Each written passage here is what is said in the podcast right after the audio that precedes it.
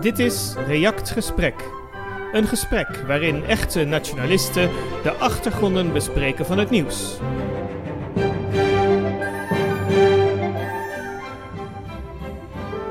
Buiten is het 14 graden.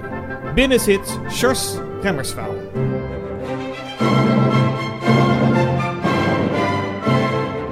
Goedemiddag, welkom bij React Gesprek. Het gespreksprogramma van reactnieuws.net waarin onze schrijvers en gasten met elkaar praten en discussiëren over brandende onderwerpen in de actualiteit. Vandaag gaan we het hebben over de atoomoorlog, de mogelijkheid daartoe, de waarschijnlijkheid daarvan en uh, de gevolgen. We hebben een aantal gasten. We hebben Joost Top ter Duinen, podcaster via europodcast.com. Uh, Faust Lanser, uitgever van de Dietse Bazuin, te vinden via YouTube. En Alfred Vierling, geopolitiek specialist, te vinden via alfredvierling.com. De atoomoorlog. Voor het eerst sinds de Cuba-crisis van 1962 lijkt een atoomoorlog werkelijk tot de reële mogelijkheid te behoren. Aanleiding is het conflict rond de Oekraïne. Voor zowel de VS als Rusland staan er grote belangen op het spel. Wat mij aan westerse kant erg opvalt, is dat er van links protest tegen een mogelijke vernietiging van de wereld geen enkele sprake is. Dat was vroeger totaal anders. Begin jaren 80 waren er enorme demonstraties in Nederland tegen de plaatsing van 48 kruisraketten in Woensdrecht. In 1983 demonstreerden 550.000 mensen in Den Haag. In 1985 werden 3,7 miljoen handtekeningen verzameld tegen de plaatsing. En dat was nog zonder internet. Dus echt verzameld op papier en opgestuurd. En dit ging alleen maar over het plaatsen van atoomraketten, niet over een concrete dreiging dat deze wapens werkelijk gebruikt zouden worden. Het was de tijd van films als The Day After uit 1983 met 100 miljoen kijkers. En War Games, ook uit 1983. Maar in deze situatie ondersteunt links de, de oorlog in Oekraïne net zo fanatiek als rechts. Misschien komt het doordat links de Sovjet-Unie destijds niet als zo kwaadaardig zag, terwijl Rusland en Poetin tegenwoordig uh, door links zwaar gedemoniseerd worden en al sinds jaren. Bijvoorbeeld doordat ze logen over de verkiezingsoverwinning van Trump, dat die uh, door de Russen zou zijn uh, veroorzaakt. De huidige situatie in Oekraïne is zorgwekkend. Uh, zowel de BBC als de NRC juichen over een doorbraak van de Oekraïne in het noordoosten bij Kharkov. En ook bij pro-Russische kanalen op Telegram wordt dit bevestigd. Buhanka Watch en Intel Slava Z bijvoorbeeld. Russische militairen trekken zich terug uit de regio's Balakia en Izum. Kennelijk werden de Russen ver verrast die zich hadden geconcentreerd op het zuiden rond Gerson, waar Oekraïne al eerder een offensief begon. Het gebied ten oosten van Kharkov vormt de poort naar de Donbass. Het gebied rond Gerson vormt de toegang tot de Krim. Het succes betreft tot nog toe uh, de herovering van uh, niet al te grote plaatsen, maar hun strategische betekenis is groot. En die ontlenen zij aan de spoorlijnen. Uh, naar verluid nadert de Oekraïense krijgsmacht de Noord-Zuid-spoorlijn. En in dat geval kan de bevoorrading van de Russische krijgsmacht worden doorbroken. En het door Oekraïne heroverde Balakia ligt aan de spoorlijn tussen Kharkov en Izum. Een logistiek knooppunt en voor Rusland een cruciale schakel tussen het Noordoosten en de Donbass. Er is ook veel kritiek op het uh, beleid van de Russen in militair opzicht. met name dat ze slechts 300.000 man hebben ingezet. En het lijkt alsof ze geen echte oorlog willen voeren. bijvoorbeeld op de UNS Review staat nu een artikel dat uh, juist het beperken van de militaire operatie in de Oekraïne een strategische blunder was. Hoe groot is in deze opzet de kans dat uh, dit conflict uitmondt in een atoomoorlog? Als we kijken naar de grootte van de belangen aan beide zijden, dan vergroot dit de kans. Aan de Russische zijde wordt het van levensbelang geacht om de Oekraïne als bufferstaat tegen de NAVO te hebben. Daarnaast kan Poetin zich een nederlaag onmogelijk veroorloven. De kans is dan niet denkbeeldig dat het leger een staatsgreep pleegt om alsnog een totale oorlog tegen de Oekraïne te initiëren. Aan de Amerikaanse zijde wordt dit conflict ook als essentieel gezien, om de positie van de VS als enige supermacht veilig te stellen. Uh, hier geldt de doctrine dat zonder de Oekraïne Rusland altijd een tweederangs natie zal zijn. En ook vanuit de regering wordt gezegd dat het doel van deze oorlog is het Rusland te verzwakken en de regering van Poetin omver te werpen. De neocons hopen op het uiteenvallen van Rusland in kleine landjes. Hun zetbaas Zelensky roept dan ook op dat er pas sprake van kan zijn van vrede op de Krim, eh, van vrede als zowel de Krim als Donbass weer in Oekraïnse handen zijn. En een persoonlijke noot van mij. Uh, Rusland is in zoverre een uh, existentieel gevaar voor de VS dat het een van de weinige landen is die niet blank is, zoals de meeste westerse landen dat wel zijn geworden. En zoiets kan natuurlijk niet getolereerd worden door het Vrije Westen. Mij lijkt kortom het risico op een atoomoorlog vrij hoog. Wij gaan hierover praten met onze gasten. En ik zou allereerst het woord willen geven aan Alfred Vierling. Ja, ja, het woord. Hm, dank u. Uh, ja, het gaat uh, in de eerste plaats over de kernbewapening. En ik wil kort schetsen een, een geschiedenis, een paar leermomenten erin. Uh, en dan naar aanleiding daarvan even aanduiden waarom de afschrikking met nucleaire wapens niet meer werkt. En dat er juist een heel hoog, een verhoogd risico is op inzet ervan.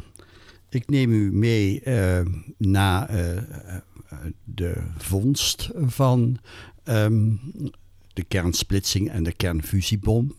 Uh, ik moet erbij zeggen dat die elke keer een duizendvoud sprong maakt van um, slagkracht. Laat ik zeggen van TNT naar de splitsingsbom is een factor duizend van de van de, van de splitsingsbom naar de fusiebom is een factor 1000 uh, in, in, laat ik zeggen, explosieve kracht, maar um, um, in, steeds een factor 10 erbij in de miljoenen die het aan mensen, slachtoffers kan veroorzaken.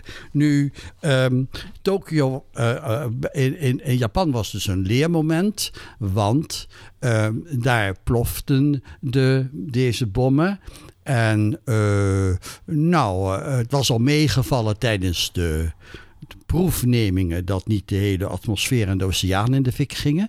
Maar um, ach, in daar die bommen op Japan, die maakten wel slachtoffers, maar toch nog lang niet zoveel als de brandbommen op bijvoorbeeld Tokio. Uh, dat was ook de reden eigenlijk waarom Truman helemaal niet uh, zo'n grote stap hoefde te nemen over het uh, inzetten van die atoombommen. Want de tweede, want hij dacht, nou ja, goed, met die brandbommen maken we op zijn minst evenveel slachtoffers. En ook de Japanse regering is niet gaan capituleren door die atoombommen, maar door die brandbommen. En overigens ook wel de oorlogverklaring van Stalin is een ander onderwerp. Um, dat heeft men dus geleerd en het heeft het leerstuk gehad van uh, de massive retaliation. Hè? Je had dus massieve atoombommen. Uh, Russen zeiden ook opeens dat ze lange afstandwapens hadden. En de bedoeling was als, uh, dat men elkaar totaal kon vernietigen. Maar dan zitten we in Berlijn, de bezetting, de blokkade van Berlijn. En dan is er toch een probleem, want de Atlantische wereld kan Berlijn helemaal niet conventioneel verdedigen. En wat moet je dan doen? Als je, uh, dat, dan moet je iets achter de hand houden. Maar ja, je moet ook niet iets hebben wat, uh, de, uh, wat alles vernielt. En daarom kwam we op de gedachte van Uh, dat heette toen tactische kernwapens, middelafstandwapens, uh, maar die, waarmee je ook een soort waarschuwingsnucleair schot kunt maken met een low yield, zoals dat heet. En dat niet meteen de hele wereld wegvaart. En dat heette respon uh, flexible response. Hè, als de ander iets inzet, dat je niet eh, een, een, een, volledige vernietiging hoeft in te zetten. Overigens is dat natuurlijk een kapstok voor de wapenhandel geweest om allerlei dingen uh, te gaan bedenken, die inmiddels via verdragen wel zijn verboden, maar die er natuurlijk nog wel bestaan. er is bijvoorbeeld de, de neutronenbom, hè, dat ding eigenlijk anti-tankwapen, maar dat dus al het leven vernielt, maar de gebouwen en, en, en, en niet. Capitalist bom, zij spotten de Sovjets daarbij. Het brengt mensen om, maar niet het kapitaal. Nou goed. En de, en de, de slachtveldwapens de, voor het slagveld, die zijn ook door de verdragen van de Schlesinger-doctrine, maar die zijn ook in de verdragen wel verboden. Kortom, we houden het toch wel over en daar, is, daar, daar, daar hebben we het nu eigenlijk over. Sommigen noemen het nog tactische kernwapens, maar ook uh, de adviesraad. Um, Nederlandse adviesraad voor uh, internationale vraagstukken zegt nee, die stap naar nucleaire inzet is altijd strategisch, heeft strategische gevolgen. Dus we noemen het tegenwoordig middel, lange afstand, uh, strategische wapens. Maar wij hebben um, toen uh, nog iets uh, gekregen, uh, namelijk de Cuba-crisis. En de Cuba-crisis, daar liep het bijna mis. En daar hebben we veel van geleerd. Wat was er mis, wisten we ook tientallen jaren later. Um, de, de, Amerikanen wisten niet dat de raketten die Khrushchev had gezet op Cuba, maar ook de onderzeeboten eromheen, dat die kernwapens bevatten. Dat wisten ze niet. Ze gingen die, bijvoorbeeld die um, onderzeeërs met, met dieptebommen verplichten boven water te komen. Maar je moet bedenken, als je daar in zo'n ding zit, bij 40, 60 graden in zo'n bak onder water, en je hoort bommen uh, ploffen uh, en je hebt geen communicatie naar buiten, dan kan je natuurlijk denken, oh de oorlog is al losgebroken, we schieten het ding af. En uh, dat was dan ook bijna gebeurd, want een van de vreselijkste dingen die daar is ontdekt was dat de Amerikanen dachten: oh, dat Sovjet-systeem is zo centralistisch. Die hebben nooit gepredelegeerd. Hè? Die hebben niet de bevoegdheden om af te schieten van tevoren al bij de mensen gelegd die ze kunnen afschieten. Dat zal dan wel door de president of uh, moeten zijn, of uh, partijvoorzitter met die bekende rode knop. Dat zullen zij wel niet doen. Maar dat was wel gebeurd. Er was zelfs gepre-subdelegeerd naar commando's van die sub, van die onderzeeboten. En het ging nog maar net goed, omdat één ervan, um, die gaf de opdracht wel um, eerst om uh, ze uh, schietklaar te maken. Maar dat deed hij omdat er een, een, een uh, partijbonds aan boord was. en maar heeft toen schielijks die meneer Soemkov, aan degene die ze moest afschieten gezegd: Ja, maar dat, dat is dat, wat ik net zei, dat is niet bedoeld voor jou. We gaan nooit die dingen afschieten. En toen daardoor, en vier keer later, dus in 79, in 80, in geloof ik 84 en in ergens 92. Het is vier keer bijna misgegaan. En door menselijk ingrijpen um, is, uh, is het kunnen worden voorkomen. Ik moet even hier preciseren. Uh, accidenteel uh, ploffen, uh, dat kun je aardig tegengaan met de zogenaamde um, point one zero. Dus als je zorgt ervoor dat die kernkoppen, als er een paar van ont, ont uh, vloffen dat die niet meteen nucleair, um, um, uh, nucleaire um, schade naar buiten brengen, nucleaire straling naar buiten brengen. maar je hebt hier dus te maken met ofwel niet geautoriseerde afschieterij. Mensen, dat, en dat is onderzocht, dat is een zeer groot gevaar, omdat men wel weet uh, nou, die president die heeft helemaal niet gauw de mogelijkheid om te zeggen: doe het toch maar niet.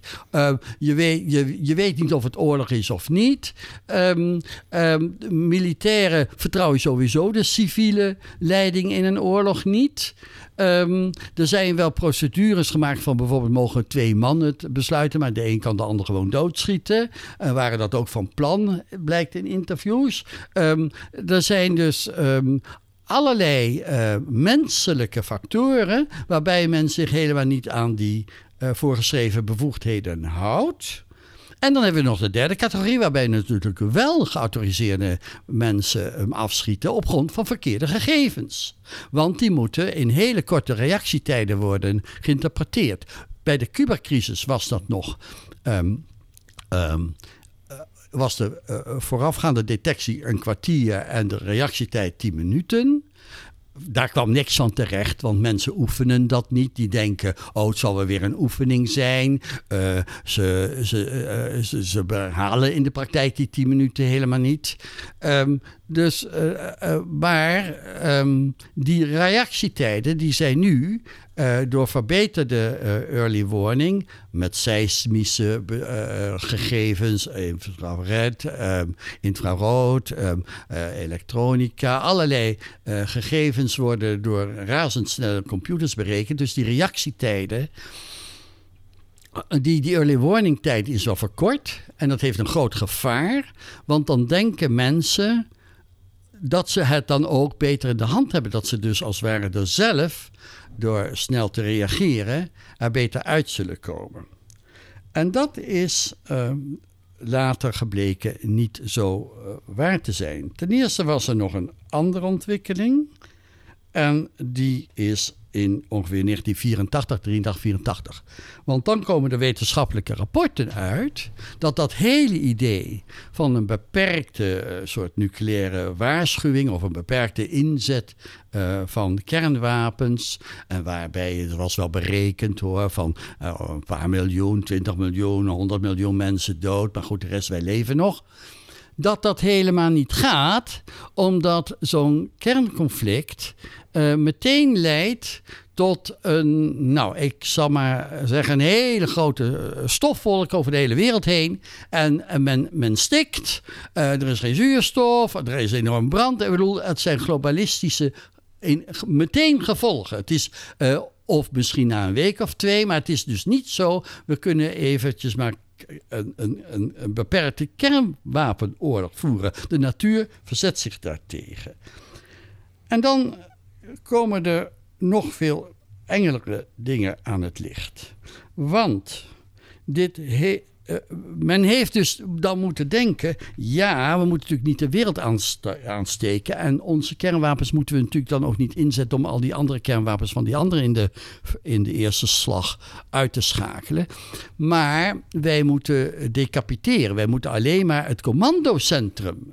Dat moeten wij raken. Maar ja, we hebben al gezien, de Russen, de Sovjet-Unie, die hadden al ge, uh, gepredelegeerd. Dus daar, die strategie die was eigenlijk al gefrustreerd. Maar er was nog een hele enge vondst.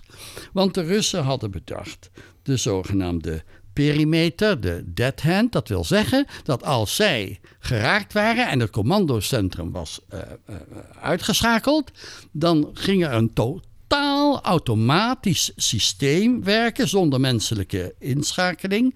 Um, om de ander massaal um, te raken. Dus die, en dat systeem dat is nu nog steeds in werking. Uh, in 2017 is dat nog verklaard door de uh, bedenker daarvan, Valerie uh, Jari, Jarinovic.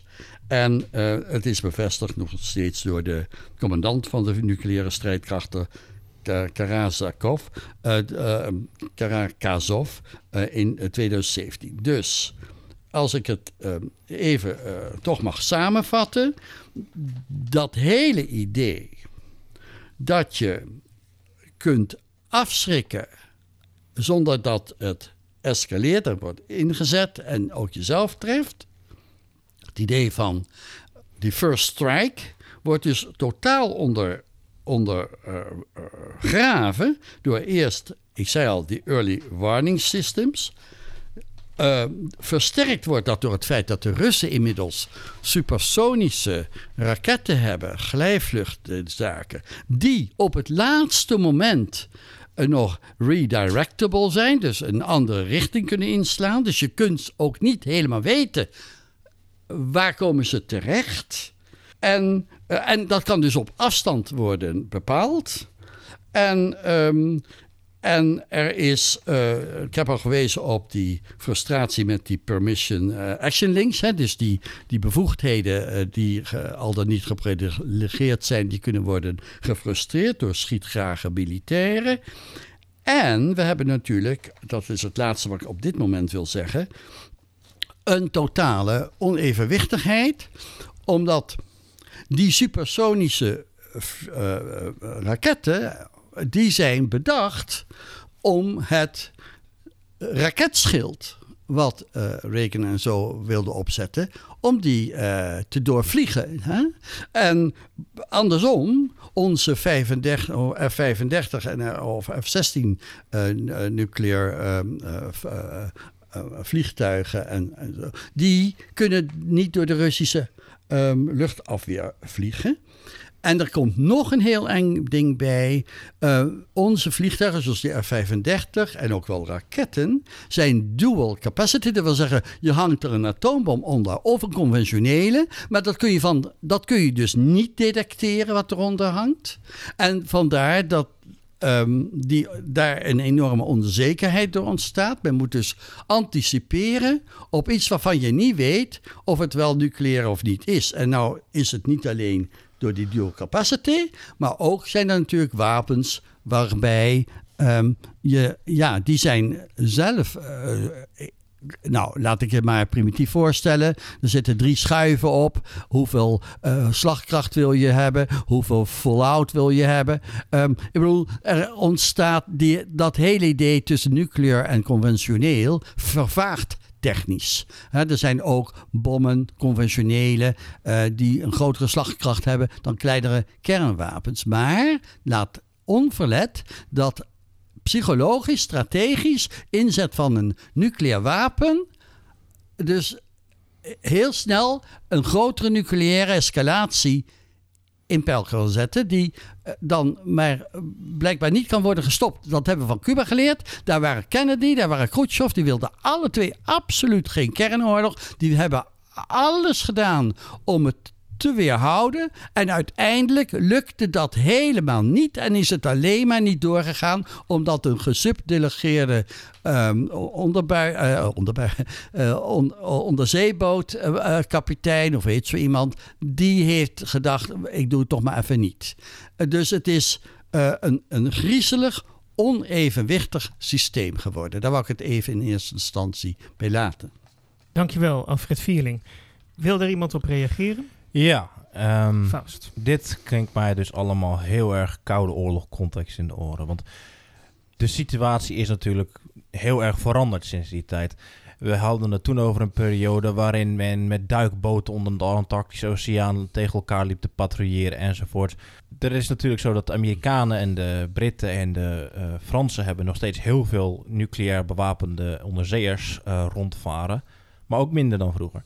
En de Russen hebben er al dramatisch veel minder op veel minder uitgebreide patrouilleroutes dan vroeger. En zo was het ook dat in, tijdens de Cuba-crisis en uh, tot jarenlang daarna heel gebruikelijk dat er continue patrouilles werden gevoerd met kerngewapende B-52's door de Amerikanen en Tupolevs door de Russen. Dus de situatie is al, al veel minder op de messnede dan dat het uh, tot aan de jaren 90 was.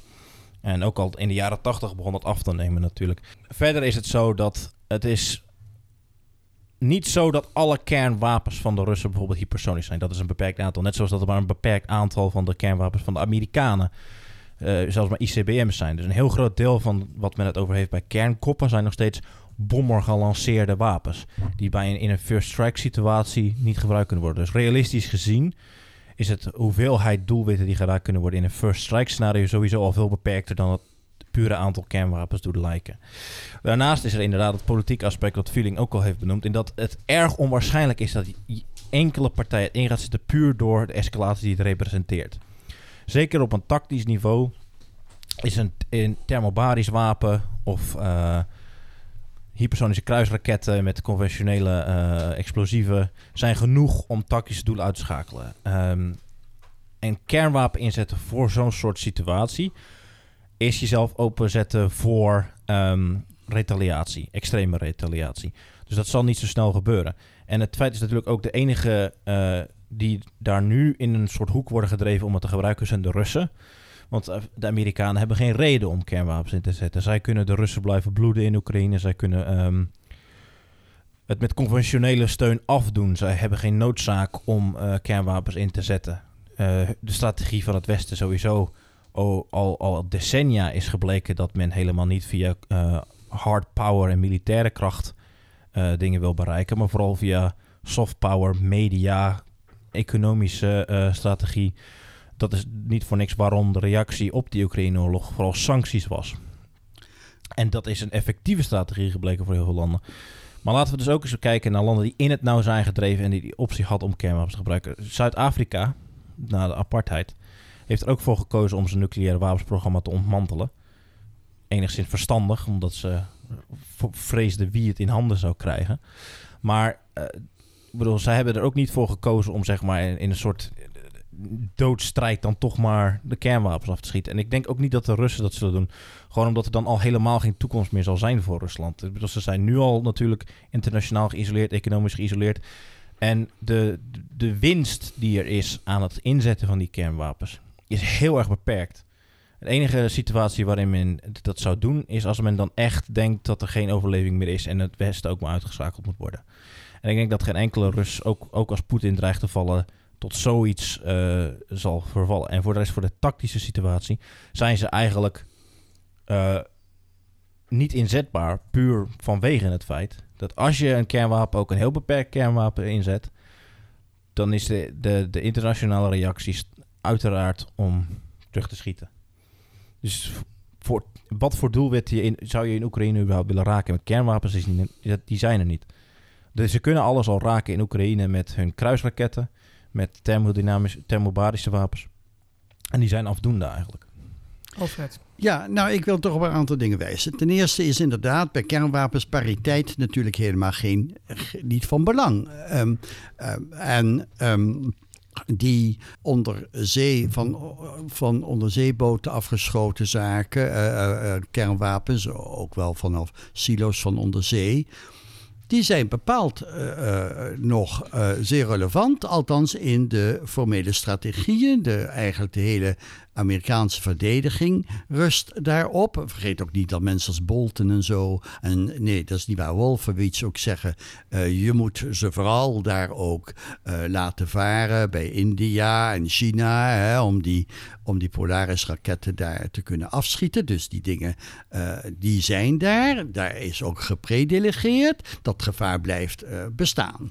En zelfs de, kom ik straks wel op, maar zelfs onze Nederlandse adviesraad voor uh, internationale vraagstukken. Nou, vind ik erg uh, NAVO-minded. Wijst er natuurlijk ook op dat de enige manier uh, uh, waarbij een kernconflict kunt voorkomen, is natuurlijk uh, het verminderen van spanningen, het verminderen van het ja. risico. als je militaire conflicten gaat uitlokken tussen kernwapens, doe je dat natuurlijk niet.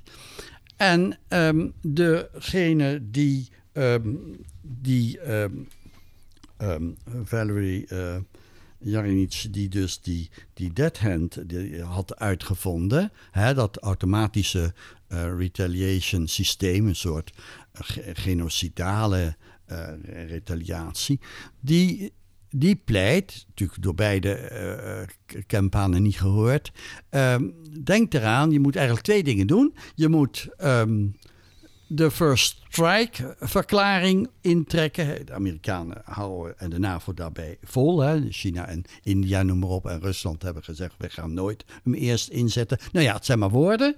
Maar goed, uh, het, het, geeft een richting aan. Hè, want uh, we make America strong, America first. Dat is nou niet zo bepaald een goede taal om dat uh, te uiten bij een rode knop van de kernwapens.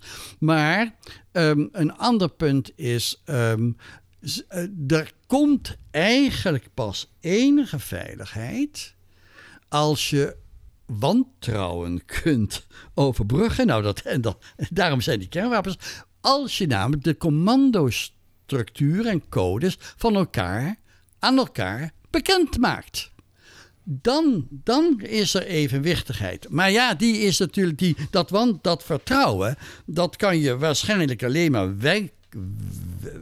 bereiken in een periode, in een periode van uh, militaire evenwichtigheid, conventionele, noem maar op. Als iedereen even sterk is, uh, dan krijg je dat. Maar in de, te, op de huidige onevenwichtigheden, waarbij ik uh, in tegenstelling tot mijn vorige spreker zie dat ehm, juist de Russen oneindig veel meer conventionele legers en wapenproductie kunnen inzetten dan de Atlantische wereld.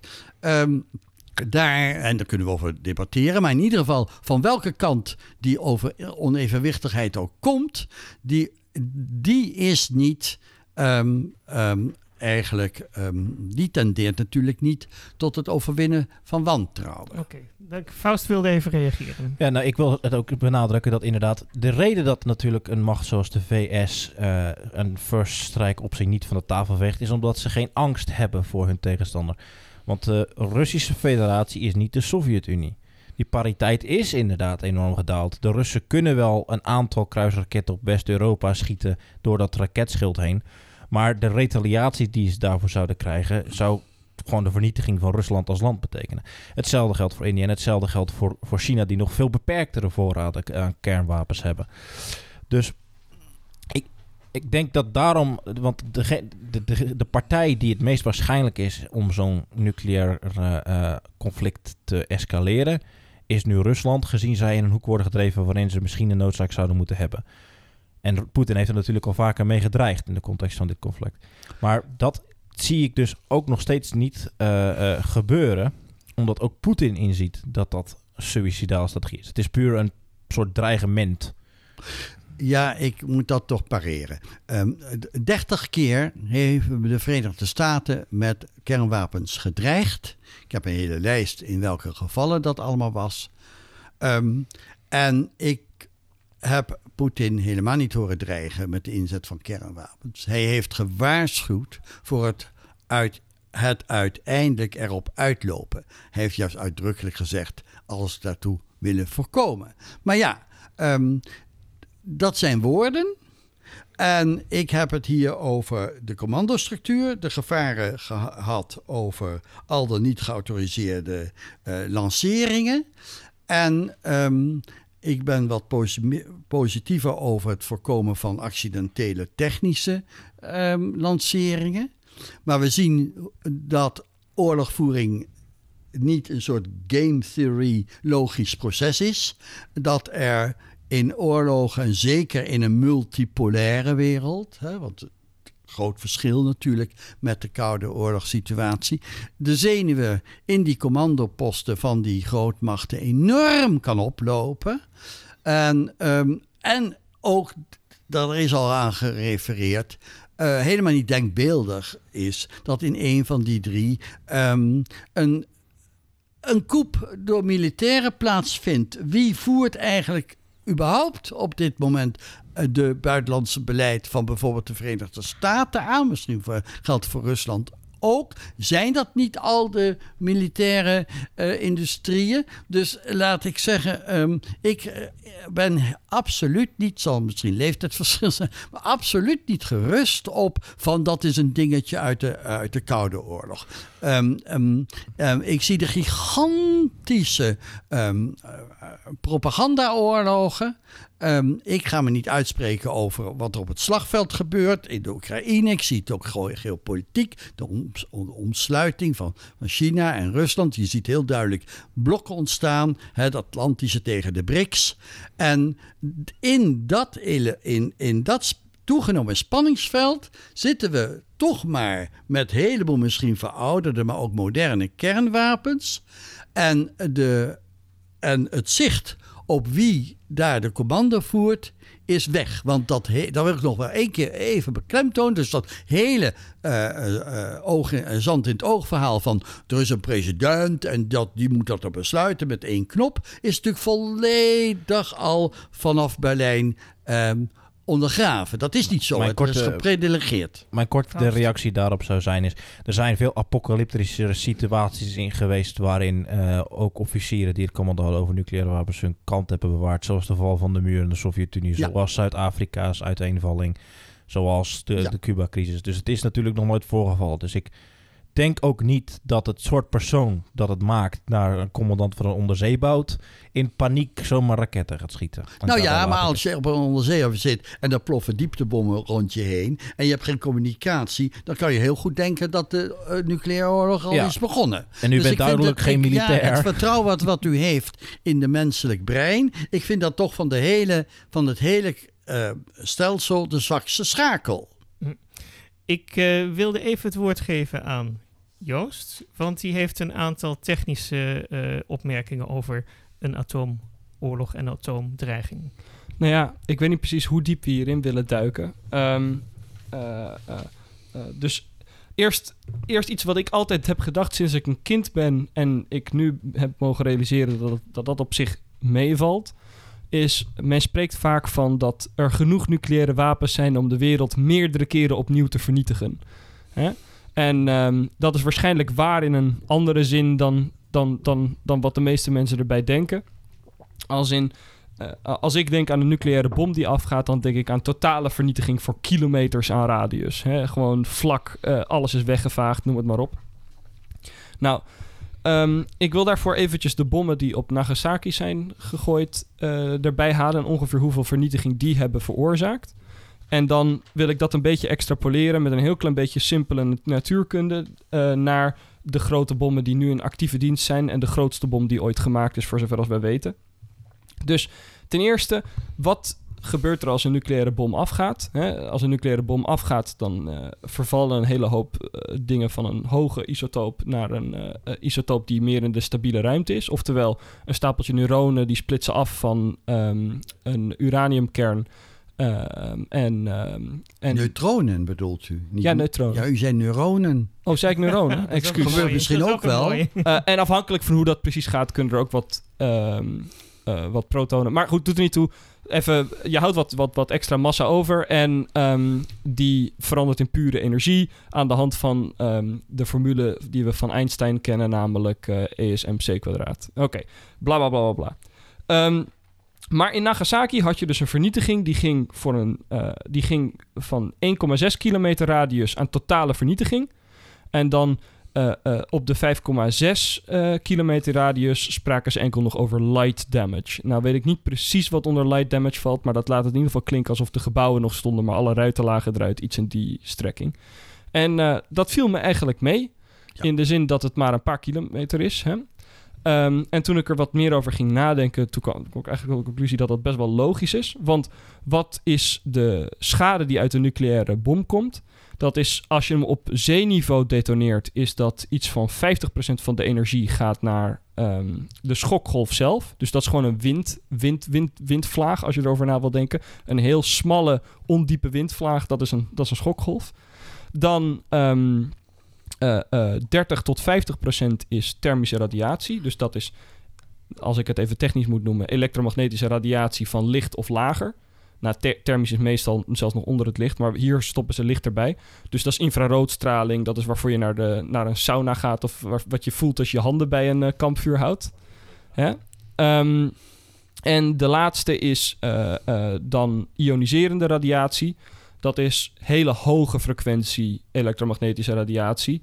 En dat zouden we gamma-straling ook kunnen noemen. En dat kan dingen weer radioactief actief maken, zeg maar door elektronen en dingen rond te klotsen waar het niet moeten komen. Doet er niet toe. Um, uh, uh, de, dat is even snel de bom. En dan heb je nog wat andere vormen waarin die energie uh, verloren gaat. Maar het merendeel van het vernietigen, ver, vernietigende vermogen van een nucleaire bom is dus heel simpele natuurkunde, namelijk een schokgolf en, en hittestraling. Nou, dingen die uitwaaieren vanaf één punt in alle drie de richtingen. En voor de hittestraling kunnen we dat absoluut zeggen. Hè? Dat gaat omhoog naar links en naar rechts. Alle drie de assen van beweging gaan ze op. Die verliezen hun potentieel met tot de macht 3. Hè? Of, met, of de wortel van 3. Dus als je ergens 100 energieeenheden instopt, dan, dan voor ieder stapje dat je verder weggaat, moet dat over wortel 3 of tot de macht 3 meer oppervlak hè, verdelen. Want dat is de oppervlakte van een bol. En dus voor iedere kilometer die je weggaat, heb je op het punt waarop je staat, wortel 3 zoveel effect als op het centrum. Nou, wortel 3 dingen afnemen gaat heel hard. Hè? Dus als we bijvoorbeeld de Tsarbom nemen, dat is de allergrootste bom ooit gemaakt, de Tsarbomba. Die had een, uh, een, een, een, een kiloton TNT-equivalent van 50.000. Terwijl de Nagasaki-bom had een kiloton TNT-equivalent van 16. en dat is dus om en nabij 3000 keer zo, zo, zo, zoveel kiloton TNT-equivalent. Maar als je de wortel 3 daarvan neemt, hè, dan zit je nog maar op 15 keer zoveel radius. Dus heel, heel, heel ruw gezegd, zou de Tsar Bomba maar 15 keer zoveel radius vernietigen als uh, dinges. Dus dan zou je met het Tsar Bomba, bij wijze van spreken, um, nou ja, heel, heel, heel ruw gezegd, misschien dan dus 20 kilometer totaal kunnen vernietigen radius. Dus dan kun je de hele Randstad pakken, bij wijze van spreken. Um, ja, 20 kilometer radius, dus dan, dus dan een totale radius van 40 of zoiets. Hè? Um, ja, maar uh, Amsterdam en dergelijke liggen verder uit elkaar. Ja, maar nu hebben we het over, zeg maar, totaal vernietigd als in alles is? Uh, daar, dan had je nog severe damage op iets van 3 kilometer of zoiets. Dus 3 kilometer keer. Maar het is waarschijnlijk inderdaad nog minder, want nu komen we erop. Die schokgolf, die heeft luchtweerstand. En die is wortel 3 van de snelheid. Van de, lucht, van, van, van de snelheid waarmee die schokgolf zich, zich verplaatst. Dus zeker de schokgolf, die verliest nog veel meer energie onderweg. Dus die zal nog veel minder ver weten te reiken dan, uh, uh, dan, je, um, dan, dan, dan die 15 keer zoveel die ik net over sprak.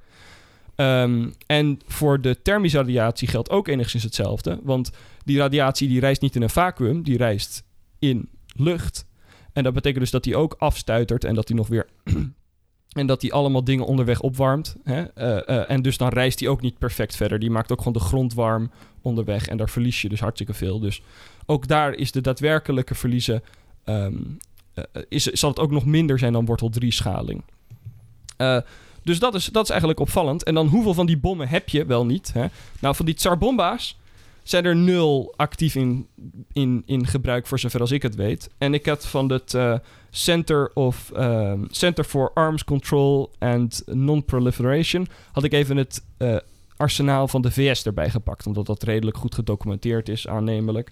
En het is redelijk groot, dus dan heb je een beetje een beeld van... Nou ja, hoeveel dat dan ongeveer kan vernietigen. Uh, dus wat hebben ze? Ze hebben iets van 5550 nucleaire koppen... En daarvan zijn er 3800 in actief gebruik en 1750 zijn er retired, zoals ze dat heten.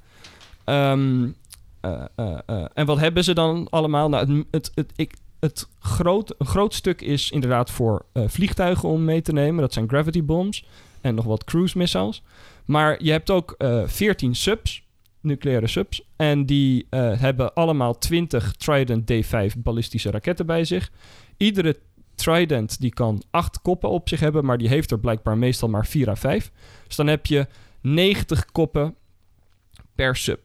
Ja, uh, gemiddeld. Dat is althans wat uh, het Center voor uh, Nuclear, wat dat center zegt. Um, dus 90 koppen per sub. Dus laten we zeggen 1500 koppen of zoiets in, op de subs. En die, en die koppen, dat zijn ofwel 90 kiloton of meer moderne 455 kiloton. Uh, koppen. En die, 500, uh, uh, en die 455 kiloton koppen, die zouden dan dus maar een radius hebben van 1 vijfde, ofwel drie keer wat Nagasaki was of zoiets. Um, Oké, okay, dan heb je dus over maar, een glass area van 6 kilometer ongeveer. Ja, heel, heel, heel, heel ruw gezegd okay, weer. Ja ja. ja, ja, ja, zoiets inderdaad. Um, dus dat, is, dat zijn de, de, de subs.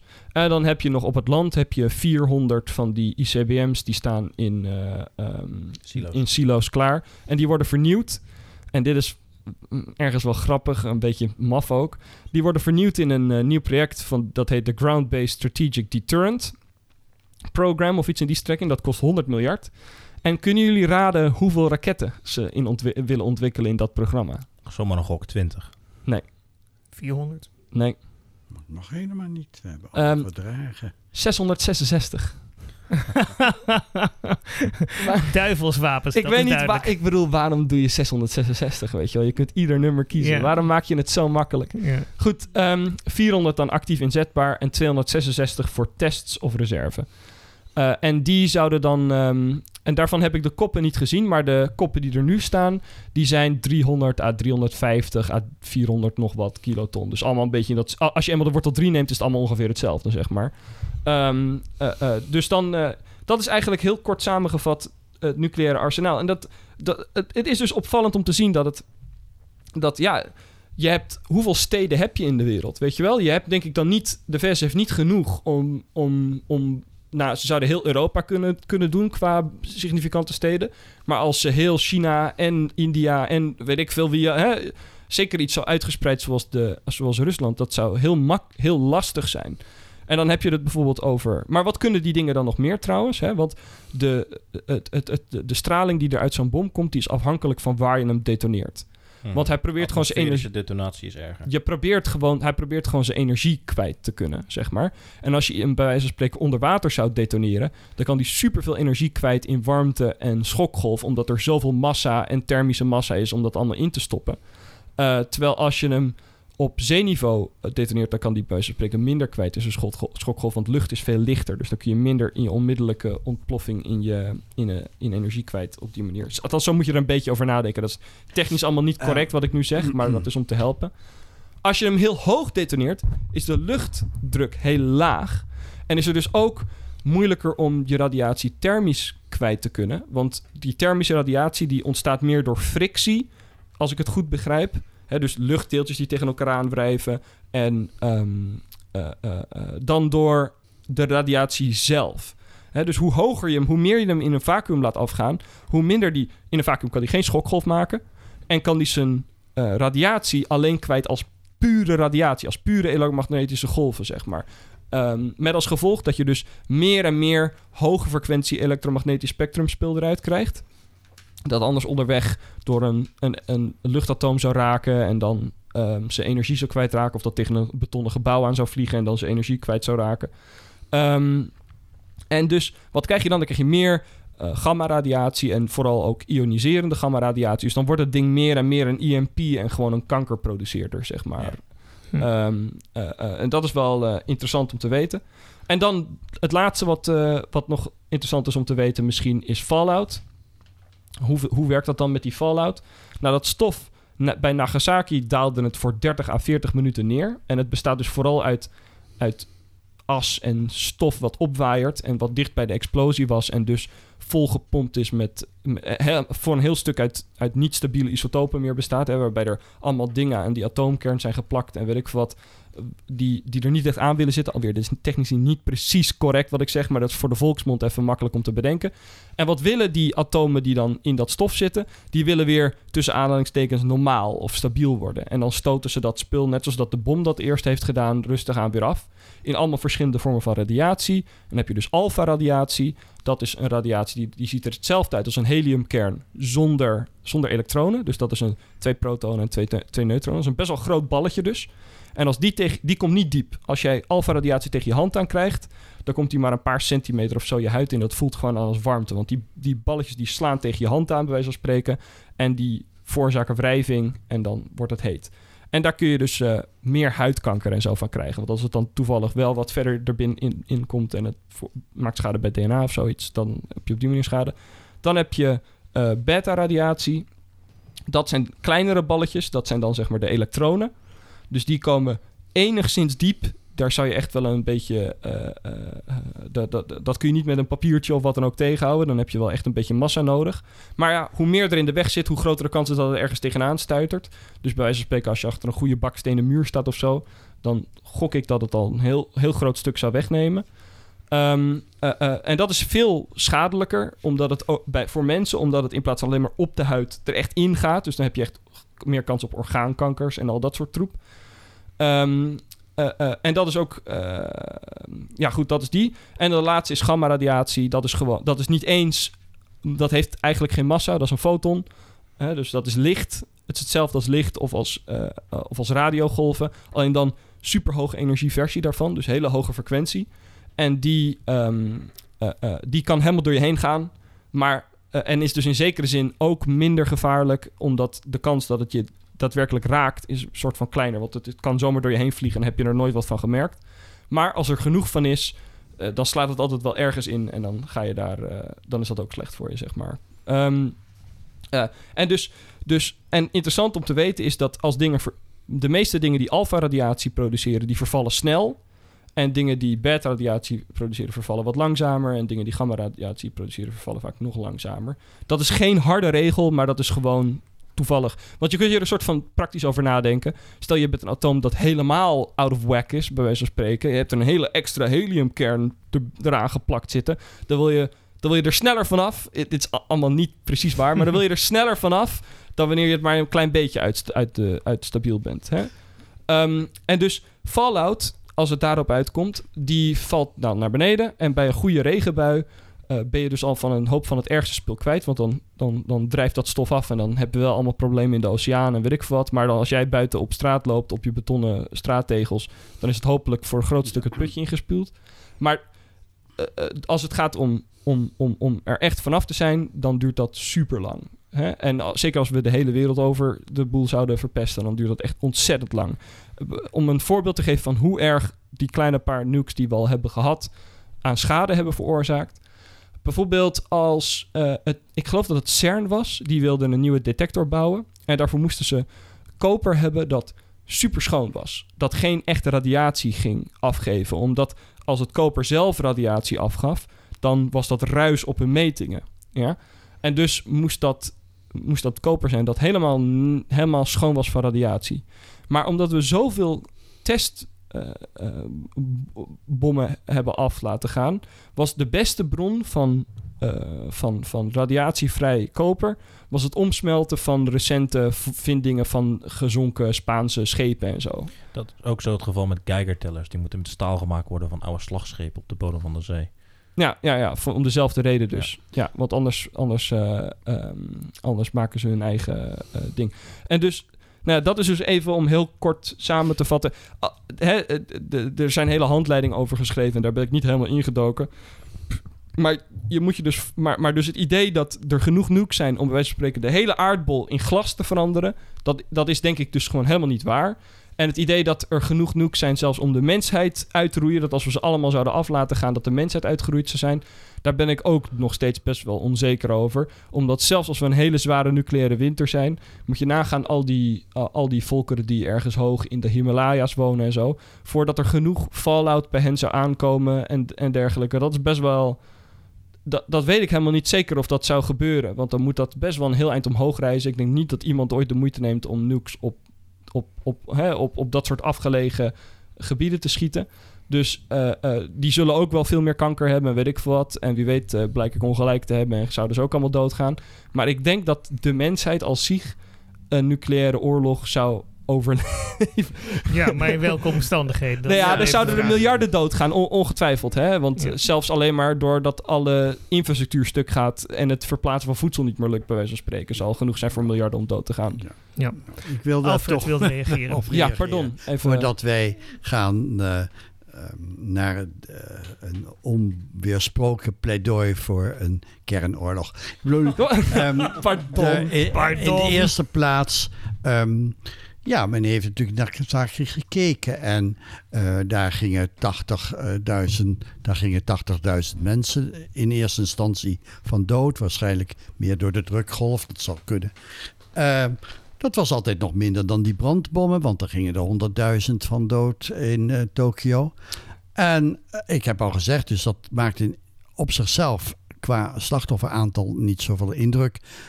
Het is wel zo dat al die mismakelingen en alle gevolgen later, die tientallen jaren later, uh, maken, die krijgen dan minder aandacht. Maar dat is ook met biochemische oorlog zo.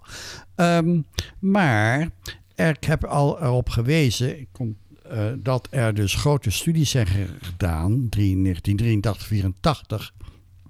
Wat dan de uh, gevolgen van zo'n massale kernoorlog zullen zijn. En dan, bedoel, beluister ik hier een zekere beroepsdeformatie. Want ik las uh, in die studies die heb ik zelf niet bekeken, maar die staan in een boek wat ik iedereen zal aanraden, wat ik zo zal noemen. Daar laat men zien dat je dus eh, met ecosystemen hebt te maken, uh, dat de uh, voeding vergiftigd geraakt of helemaal niet meer groeit, dat er ook wel eens iets in de atmosfeer mee gebeurt, dat er zoals bij een vulkaanuitbarsting opeens de zuurstof groots kan ver, verdwijnen. Dat overigens die full-out ook nog uh, windgevoelig is. Ik herinner me nog wel um, dat na Tsjernobyl, ik was toen in Frankrijk, was een hele interessante wolk.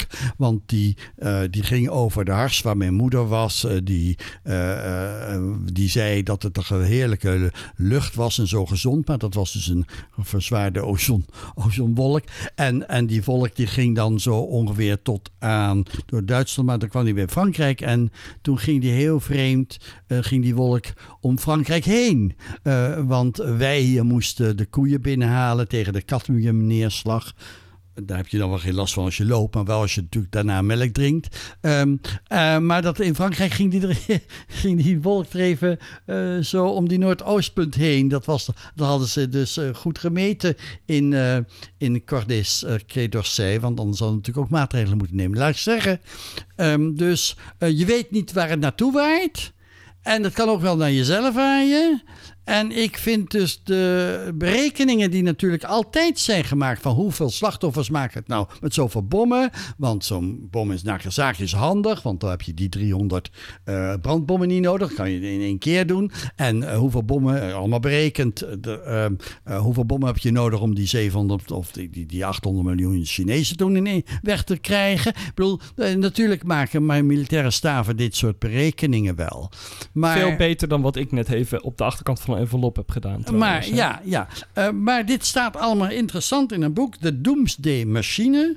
Confessions, dus bekenningen of een nuclear war planner van Daniel Ellsberg, die dat uh, decennia heeft gedaan. Ja, ik... En als je dat boek leest, uh, dan haal je het wel uit je hoofd om te pleiten voor een nu, een, beperkt nucleair conflict wat niet de hele wereld opblaast, dan haal je dat wel uit je hoofd. Dus ik denk dat ik hier tot te maken heb met een weinig empathiek natuurkundige die uh, geen enkele rekening houdt met um, gevolgen ten, deels van uh, menselijke psychologische tekortkomingen. Ik geloof maar dat Joost ook even van reageren, biologische uh, uh, reacties en atmosferische reacties buiten de proefnemingen van in zijn laboratorium. Joost. Oké, nou even twee stappen terug. Ik heb helemaal geen argument gemaakt voor nucleaire wapens. Ik wilde alleen beschrijven een misvatting die ik zelf had over nucleaire wapens. Dan nummer uh, daar even, dat, dat is even nummer één. ik heb geloof ik echt niet één woord gepleit voor. Dan nummer twee. Um, ja, wat betreft de secundaire effecten, die weet ik niet. De aarde is een complex systeem. Hè? Of zelfs, we mogen, mogen geloof ik zelfs technisch gezien zeggen dat het een chaotisch systeem is. Hè? Met kleine veranderingen bij de input kunnen grote veranderingen hebben bij de output. En dat geldt voor um, ecosystemen ook. Ondanks dat ecosystemen in zekere zin stabiel zijn, mag je daar zeggen dat ze dan metastabiel zijn. Als in kleine duurtjes maakt niet uit. Je kunt 100 herten doodschieten in een bos. En dat is een, in theorie een kleine verandering aan de input. Maar de output verandert niet, want over 50 jaar is de hertenpopulatie gewoon weer precies wat er binnen het model verwacht wordt. Maar schiet jij 94.000 herten neer, weet je wel. Je geeft hem een grote duw, dan is het systeem metastabiel. Als in, dan keert het weer niet terug. Dan kan het zijn dat de herten uitsterven en dat je dus een heel nieuw ecosysteem als gevolg krijgt. Nou, ik ben het helemaal met je eens. De aarde is een chaotisch systeem en het is metastabiel. Dus als je, uh, uh, als je vet veel nucleaire bommen laat afgaan, wie weet wat er gebeurt. Hè? Uh, dus dat, ik bedoel helemaal niet te zeggen dat het een goed idee is om nucleaire bommen af te laten gaan. Sterker nog, ik vind het bijzonder irritant dat we überhaupt die dingen zijn gaan testen op die manier. Want dat zorgt ervoor dat je zoveel van die vervuilde materialen hebt. Um, um, maar um, uh, uh, het enige wat ik met mijn even snel achterkant van envelopberekeningetje wilde laten zien was... Goh, het is dat, dat, dat, hele idee van dat er... Um, dat, dat, in de fik staat. Dat, dat, dat, dat alles vernietigd wordt, die... Dat is niet helemaal wat je verwacht. Het is veel meer de secundaire effecten, zoals u inderdaad zegt die ons problemen gaan leveren. Maar zelfs de secundaire effecten, als de bevolking goed voorbereid is en ze zitten allemaal. Uh, hè, onder de trap, dat heb ik nog moeten doen. Nee, nee ja, onder de trap. Kijk, onder de trap doet niet zoveel als je binnen de schokgolfradius zit. Maar als je buiten de schokgolfradius zit en je hebt een goed gefilterd luchtsysteem. en er komt dus niet zoveel stof binnen. en je hebt een voedselvoorraad en een watervoorraad om het een tijdje uit te zingen. dan dan alweer, ik ben hier eigenlijk geen afdoende expert in om hier echt harde voorspellingen over te maken. Maar dan, dan zou dus inderdaad een hoop van die onmiddellijke vervuiling, die echt heel gevaarlijke vervuiling, uh, uh, weg moeten zijn binnen een paar dagen, weken. En dan op, de, op een paar maanden schaal um, is het weer soort van oké. En dan ga je gewoon, als ik, het, als ik even snel op basis van wat ik even snel heb gelezen, een voorspelling doe, dan heb je gewoon superveel kanker en superveel misvormde baby's. Maar als volk trek je het soort van wel. Weet je wel? Het is gewoon extreem. Maar als je het hebt over dingen zoals een nucleaire winter. Of, um, uh, uh, of die andere beschrijvingen. Want je inderdaad, je ziet soms van die voorspellingen zoals... het waaiert zoveel stof op dat we voor een jaar lang donker hebben of wat dan ook. Of meerdere jaren soms zelfs. Geen idee. Geen idee. Dat is alweer. De uitbarsting dat... van Krakatoa was genoeg om in 1821 de, de hele jaar de, de, oogsten te laten falen. Ja, maar de mensheid is er nog, toch? Dus zeg maar, um, uh, het kan, het, dat is mijn punt een beetje. Um, ik denk dat het wel echt heel erg moet zijn voordat de mensheid succesvol uitgeroeid wordt, zeg maar. Ik denk dat we Indonesië ook strikt in de gaten moeten houden met al die gevaarlijke vulkanen. nou ja, ja goed. Uh, maar dat is mijn punt meer. Ik, ik liep echt met het idee rond dat dat een goede nucleaire oorlog gewoon het einde van, van de aarde zou zijn. Dat er dan een soort van Mars zou overblijven of zoiets. Hè? Dat er, dat, En dat is een vals idee. Ik had nooit de moeite genomen om even, even de achterkant van de envelopberekeningen te maken... die het laten zien dat... Nou, dat zit er niet in. Hè? En, en dat was meer mijn punt. Ja, het ziet er dus anders uit...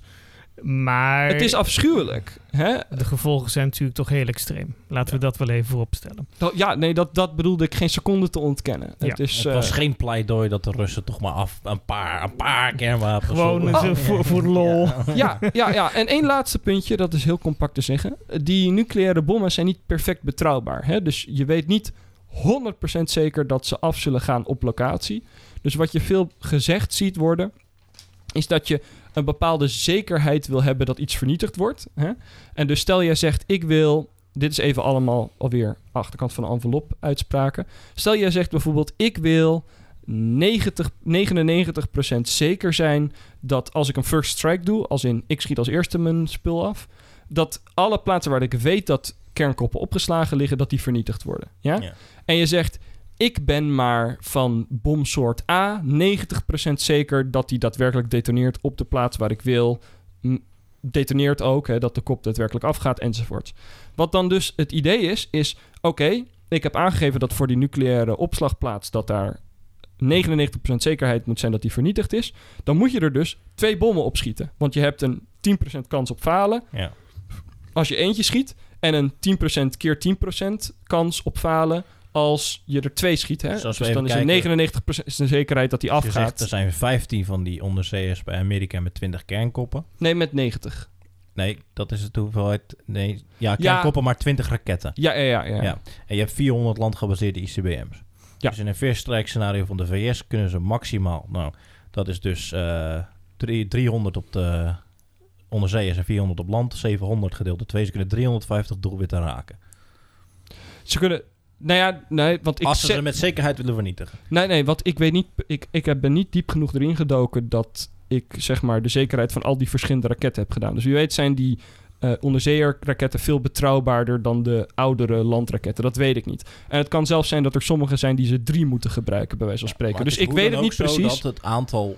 Maar mijn punt daar is ook inderdaad weer opnieuw... dat het is niet genoeg veelal om maar één raket te schieten op één doelwit. Dus inderdaad, behalve dat ik dus niet precies weet voor iedere bom wat de zekerheid. Bla, bla, bla, de zekerheid daalt natuurlijk enorm wanneer het er niet over de raketten gaat, maar over de vliegtuiggedragen bommen. Wat ook bij de Russen de meeste zijn en ook bij de Chinezen de ja, meeste zijn. Ja, ja, dus als Want daar loopt het risico op interceptie en dergelijke. De, de vliegafstand neemt enorm toe. Het is, geloof ik, was er de, de gemiddelde verwachte tijd van de B-52 ten hoogte van de Koude Oorlog was dat ze binnen 18 uur ja. Rusland konden bombarderen. Ja, maar dat is inmiddels natuurlijk bijna alle F-serie vliegtuigen, dus F-15, F-16 en de nieuwe F-35 die zijn ontwikkeld om dual, uh, dual, dual mode te kunnen. En die kunnen dus in ieder geval allemaal één kernbom dragen. En blijkbaar sommigen nog meer, dat weet ik niet precies.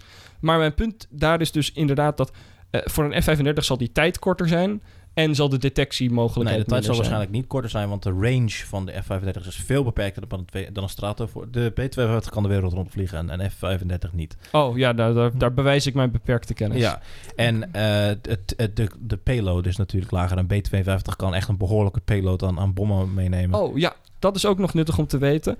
Er is een uh, standaard verhouding, dat heet de Taylor, um, Taylor Expansion of iets in die strekking, van de hoeveelheid vernietigingsmogelijkheid van zo'n conventionele nucleaire bom, dus dan hebben we het nog even niet over waterstofbommen, uh, versus um, uh, uh, de ontploffingskracht. Dus je, je, je, je, je bom kan niet efficiënter zijn dan 6 kiloton vernietigingskracht per kilogram bom. en de meeste bommen die liggen een beetje ergens tegen die, tegen die, daar tegenaan. Dus uh, sommige zijn maar de helft zo efficiënt, hè, oudere. Maar de nieuwere die, die zijn wel redelijk dicht in de buurt. Want blijkbaar... Uh, hè, wat, het is zeg maar gewoon de hoeveelheid uranium... het percentage uranium dat je bom kan zijn in feite. Dat is, uh, dat, is wat dat bepaalt. Dus hoe efficiënter je regelsysteem is... hoe minder energie je hoeft... Hè, massa je hoeft te verspillen aan, ja, aan niet-uranium. Ja. ja. Ik, uh, na al deze optimistische praat, grapje, um, wou ik toch nog even als laatste het woord geven aan Alfred. Want jij ja, dat klopt. Dat kunt is wat zeggen over ontwapeningsverdragen. Nou ja, er was natuurlijk een um, non-proliferatieverdrag. Dus we zorgen dat die um, atoombommen niet uh, in meer handen uh, kwamen dan eigenlijk zeg maar, de Sovjet-Unie en uh, Amerika. Eigenlijk wilde Amerika maar alleen, maar ja, dat werd toch een beetje door een paar personen die atoombom aan de Sovjet-Unie gegeven. Nou ja, en toen is hij nog naar China gekomen. Ik, wel interessant om te weten dat uh, Stalin niet die atoombom aanmaal wilde geven. Maar uh, ja, dat heeft Khrushchev gedaan. Alleen die leverde dan de, de raket er niet bij. En uh, daar heeft Mao dan voor gezorgd dat er genoeg olie, voedselolie van de bevolking werd afgenomen om hem één keer met, uh, met succes te lanceren. Dus toen hadden we China. Maar ja, u weet, Nederland heeft nog een rol gespeeld. Um, in het maken van de atoombom voor Pakistan. In India heeft gekregen, ik denk van de Sovjet-Unie. En er zijn dus een aantal landen, Israël natuurlijk, um, en Noord-Korea. En het gaat er wel wat verder. En um, ja, nou is men daar toch een beetje uh, over. Uh, kun je natuurlijk nog wel banger zijn, misschien. Voor, ja, misschien komt dat in handen van niet-staten, van, van rebellen en zo. Maar die kunnen alleen maar een beetje vuile, vuile atoomdingetjes laten ploffen, maar niet, niet echt nog die wapens maken. Um, uh, ja, je gaat er ook wel aan dood. Maar uh, dat, dat is niet de eerste zorg. De eerste zorg, die had ik daarnet al geschetst, is toch uh, bij de besluitvorming tussen die supermachten. Want die zijn dus niet zoals de vakterm heet entangled. Hè, die, de, de afstemming van die besluitvormingsprocessen die is chaotisch. Dus dat blijft instabiel en dus kans gehouden op een, een nucleaire inzet. Maar goed, in, er is toch toen na de Koude Oorlog een, een, nou ja, een, een verdrag gesloten. De INF, voor de Intermediate Nuclear Forces. Uh, en in 1987, hè, tussen, tussen Reagan en Gorbachev. Maar die, uh, uh, en waar ging dat nou over? Ja, dat ging dus over een reductie, is ongeveer 80% is al gebeurd, van die middellange strategische wapens. Maar niet alleen nucleair, ook conventioneel. En dus dan mocht je ook niet moderniseren. Dat was dan toch het idee. Alleen, uh, Trump heeft dat opgeschort. Want die zei, ja hoor, zeven India en China. Uh, hij zei niet Israël luid, maar goed, die doen niet mee. Dus uh, dat is een... wij moeten wel America first en, en strong en weet ik veel. Maar we moeten, we moeten ons toch niet door die regeltjes door anderen laten weg, wegdoen. En er kwam dan ook een programma van, de zogenaamde Nuclear Posture Review, in 2018 trouwens. Um, maar, um, en ze houden natuurlijk ook dingen bij, want die, bij die, dat INF-verdrag ging alleen maar over raketten uh, vanaf het land. Hè? Dus, dus niet die vanuit zee, hè? die hebben ze er nooit uh, willen uh, beperken. Nou, de VN, ach de VN, die probeert dan wel zo'n verdrag, uh, verbod op kernwapens door te uh, drammen, maar daar doet geen enkele kernmacht uh, aan mee. En ook de NAVO-staten in, Nederland in Kluis zijn daar tegen. Toch is er iets positiefs te melden, want Biden heeft nu toch weer wel de Start 2 weer in gang gezet, die um, de Amerikanen eerst ook hadden opgeschort. En wat is dat dan? Ja, dat je er niet, niet ver. Dat gaat onderhandelen over verdere reducties. Er zit dus nog niet een verplichting in. Het is een, een voornemen. Hè. Dus intermediate, u weet, tussen die 500 en 5500 kilometer uh, raketten. Uh, daar, daar, uh, en natuurlijk onderhandelen over wederzijdse inspecties, controle. Um, ja, alleen, ja, waarom deed Biden dat nou? Omdat hij natuurlijk met die inspecties toch wel even wil weten... hoe gaat het met die Russische uh, raketontwikkeling? Uh, die uh, Avangard en de Armat, die, die dus die tegen die door dat raket heen gaan en tegen de satellieten kunnen worden ingezet. Hè? Dat, dat, dat, dat, hele raketschild dat is natuurlijk dan niet meer waterdicht. Dus om dat te kunnen um, um, eigenlijk volgen. Nou, dat is zo'n beetje de toestand nu. En juridisch is het natuurlijk een ramp. We hebben dat internationaal gerechtshof in Den Haag, in het Vredespaleis. En die babbelen wat, die juristen. En dan zeggen ze ja die kernwapens, ja, dat mag natuurlijk eigenlijk niet. Alleen als er hele existentiële uh, uh, ja, belangen in het spel zijn, dan mag het er eigenlijk weer wel. Je, en daar wil ik toch bij sluiten. Je ziet dus. Um, in Latijn had je jus ad bellum, het recht om op oorlog te gaan, en het jus in bello, onder welke omstandigheden kun je nog rechtvaardig een oorlog voeren.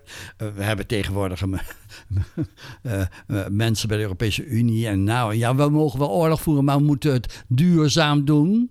Dus met elektrische tanks of zo, dan mag het wel blijkbaar. Enfin, dit soort rare discussies krijg je. En het komt toch neer. Dit hele debat komt neer. Niet, volgens mij, niet op een.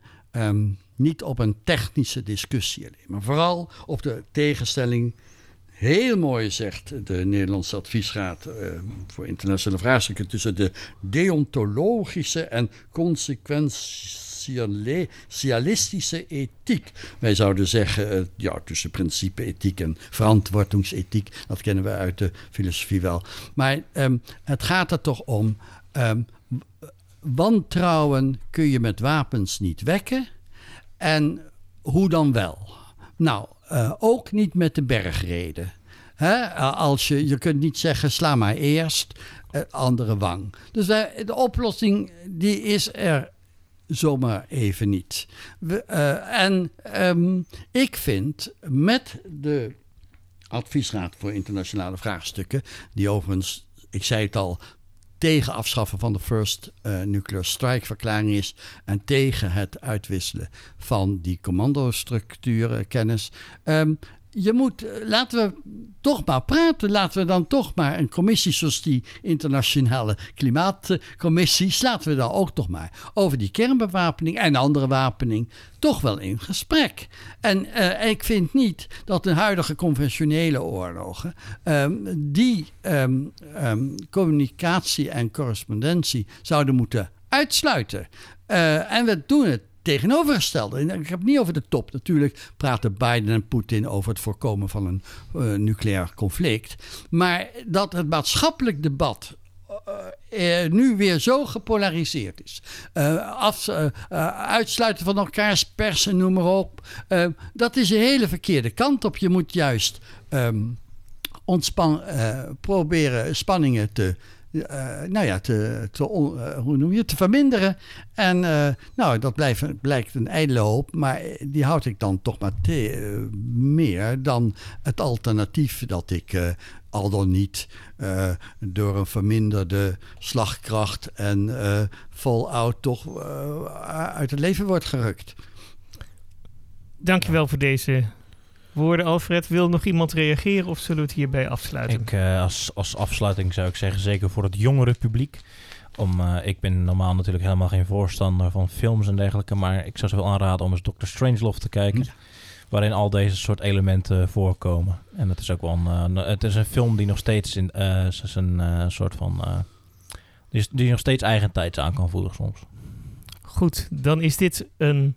Oh, ik heb nog een opmerking van Joost. Ja, en dan vanaf mijn kant alweer. We zijn allemaal heel beperkt voorbereid voor als er iets zou gebeuren.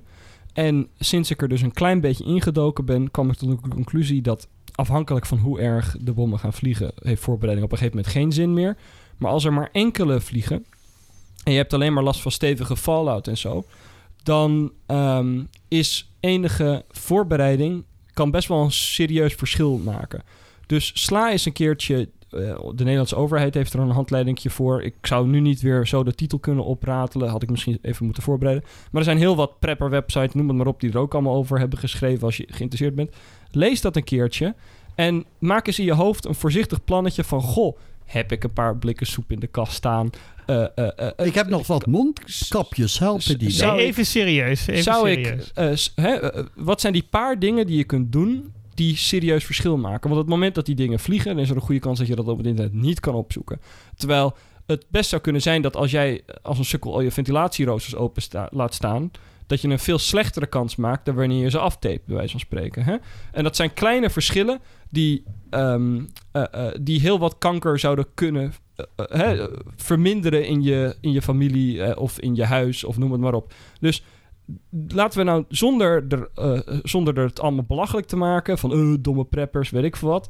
Want dat is iets wat mensen van nature geneigd zijn om te doen ook. Hè? Want uh, mensen willen niet nadenken over dat er iets vervelends zou kunnen gebeuren. Dus mensen die op die manier over de wereld nadenken, worden altijd een beetje belachelijk gemaakt. En ze hebben ook altijd ongelijk. Hè? Want, want je denkt negatief over de wereld na. Je bent een prepper, je bent een mafkees. En er gebeurt nooit wat.